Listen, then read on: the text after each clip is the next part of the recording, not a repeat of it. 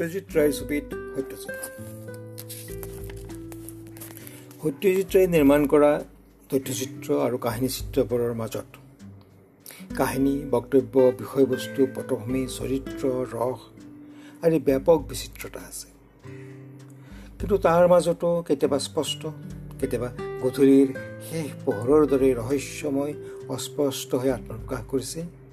তেওঁৰ ৰায় বংশৰ ঐতিহ্য পাৰিবাৰিক অৱস্থা তেওঁৰ ব্যক্তিগত জীৱনৰ নানান ঘটনা অনুভূতি সপোন আৰু কল্পনাৰ বিচিত্ৰ উপাদান। এই প্ৰতিফলনবোৰক পোনপটীয়াকৈ আত্মজীৱনী বুলি কৈ দিব নোৱাৰি। কিন্তু গভীৰভাৱে চালেই কাণৰ ওচৰত স্পষ্টকৈ বাজি উঠে যে ছবিৰ দৃশ্যবোৰ আৰু সামাজিক ব্যক্তিগত ঘটনাৰ দৃশ্যবোৰ এই দুয়োবোৰৰ বাজি মাজত নেপথ্যত বাজি থকা সুৰ এটি একেই। সুৰৰ গঠন আৰু আবেদন সম্পূৰ্ণ একেই। শত্ৰঞ্জকী খেলাৰী কাহিনীৰ সময়ভাগ হ'ল লক্ষ্ণৌৰ শেষ নবাব ৱাজিদ আলী শ্বাহৰ ৰাজত্বকাল। নৃত্য আৰু গীতত মগ্ন থকা ৱাজিদ আলী শ্বাহৰ ৰাজ্য ব্ৰিটিছে কৌশলেৰে লৈ যোৱা এই চক্ৰান্ত ইয়াৰ পটভূমি ভাৰতৰ ইতিহাসৰ এটা গুৰুত্বপূৰ্ণ অংগ হ'লেও এই দিশটোৱে সত্যজিৎ ৰায়ক প্ৰভাৱিত কৰা নাই। নবাবৰ ব্যক্তিগত জীৱনৰ আশা আকাংক্ষা হতাশা আৰু তাৰ সমান্তৰালভাৱে দুজন দবামগ্ন উজিৰৰ ব্যক্তিগত কথাকহে সত্যজিতে গুৰুত্ব দিছে।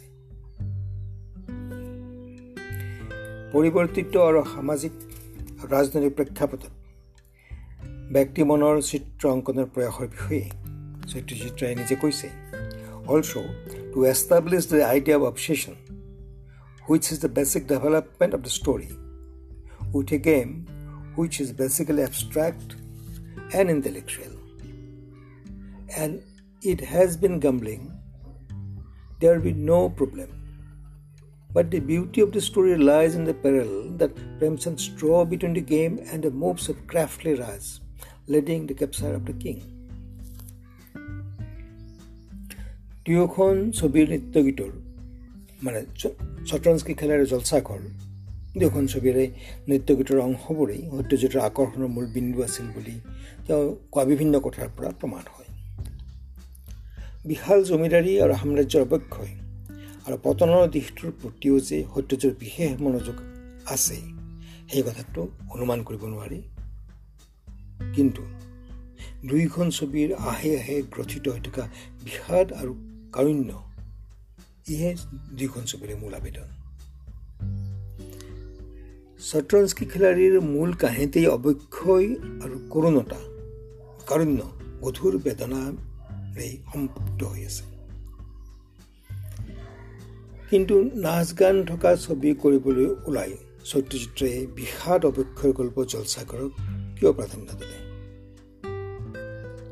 কাৰণ তেওঁ নিজে কৈছিল যে অপৰাজিত ছবিখনৰ বক্স অফিচ বিফলতাৰ পিছত তেওঁ দৰ্শকে ভাল পোৱা নাচ গানৰ ছবি এখন কৰিবলৈ ইচ্ছা কৰিছে। এই প্ৰশ্নটোৰ উত্তৰ বিচাৰিলে। প্ৰশ্নটো মানে কি কাৰণে তেওঁ জলচাঘৰৰ দৰে কাহিনী এটা ল'লে নাচ গানৰ ছবি কৰিম বুলি ভাবি? এই প্ৰশ্নটোৰ উত্তৰৰ কাৰণে তেওঁৰ পৰিয়াল বংশ পৰিৱেশ এবাৰ চাব লাগিব। এক আদ্যৱন্ত ঐতিহ্যমণ্ডিত পৰিয়ালত জন্ম হৈছিল সত্যজিতৰ। উপেন্দ্ৰ কিশোৰ ৰায়চৌধুৰীৰ দিনত চাৰিও দিশৰ পৰা বিকশিত হৈ উঠা এই পৰিয়ালটোলৈ অৰ্থনৈতিক অৱক্ষয় নামি আহিছিল অতি কম সময়ৰ ভিতৰতে। উপেন্দ্ৰ কিশোৰৰ মৃত্যুৰ মাত্ৰ কেইবছৰমান পিছতে অকাল মৃত্যু সাৱটি লৈ তেওঁৰ পুত্ৰ আৰু সত্যজিৎ পিতৃ সুকুমাৰ ৰায়ক। আৰু তাৰ এই বিশাল সাম্ৰাজ্যলৈ পতন নামি আহে। আনকি শেষত শিশু সত্যজিতে মাকক লগত লৈ মোমায়েকৰ ঘৰত আশ্ৰয় ল'বলৈ বাধ্য হয়। আদ্যৱন্ত অৱস্থা এটিৰে কৰুণ পঞ্জীৰ নেপথ্যৰ কাৰণবোৰ শিশু সত্যজিতে অনুধাৱন কৰিব নোৱাৰাটো অতি স্বাভাৱিক কথা আছিল। কিন্তু সমৃদ্ধতাৰ সেই বহু অংশই যেতিয়া আমাৰ বুজন অংশ অধিকাৰ কৰিছিল তাতো কোনো সন্দেহ নাই। যখন চত্ৰ চিলাম কিতাপখনত তেখেতে এই কথা লিখি থৈ গৈছে। বৰ্ধিত সময়ে সত্যজিতক উপলব্ধি কৰাইছিল তেওঁৰ পৰিয়ালৰ ঐতিহ্যৰ সমৃদ্ধি সেই উপলব্ধি আৰু স্মৃতিৰ সঞ্চয়ে তেওঁৰ জন্ম দিছিল বিষাদ। মন গহনত পুঞ্জীভূত এই বিকাশৰ বাটে বাট বিচাৰি পাইছিল। প্ৰকাশৰ বাট বিচাৰি পাইছিল জলসাগৰ আৰু ছত্ৰঞ্জী গেলাৰীত। দুয়োখন ছবিৰ মাজত বিচাৰি পোৱা সাদৃশ্য হ'ল। সত্যজিতে এখন ছবিতো অৱক্ষৰ কাৰণ বিচাৰি যোৱা নাই যেনেদৰে তেওঁ নিজে বিচাৰি যোৱা নাছিল নিজৰ পৰিয়ালৰ অৰ্থনৈতিক অৱক্ষৰ কাৰণ। তেওঁক চেম বেনেগলৰ এটা সাক্ষাৎকাৰত সত্যজিতে কৈছিল then the business folded up for reason which I never found out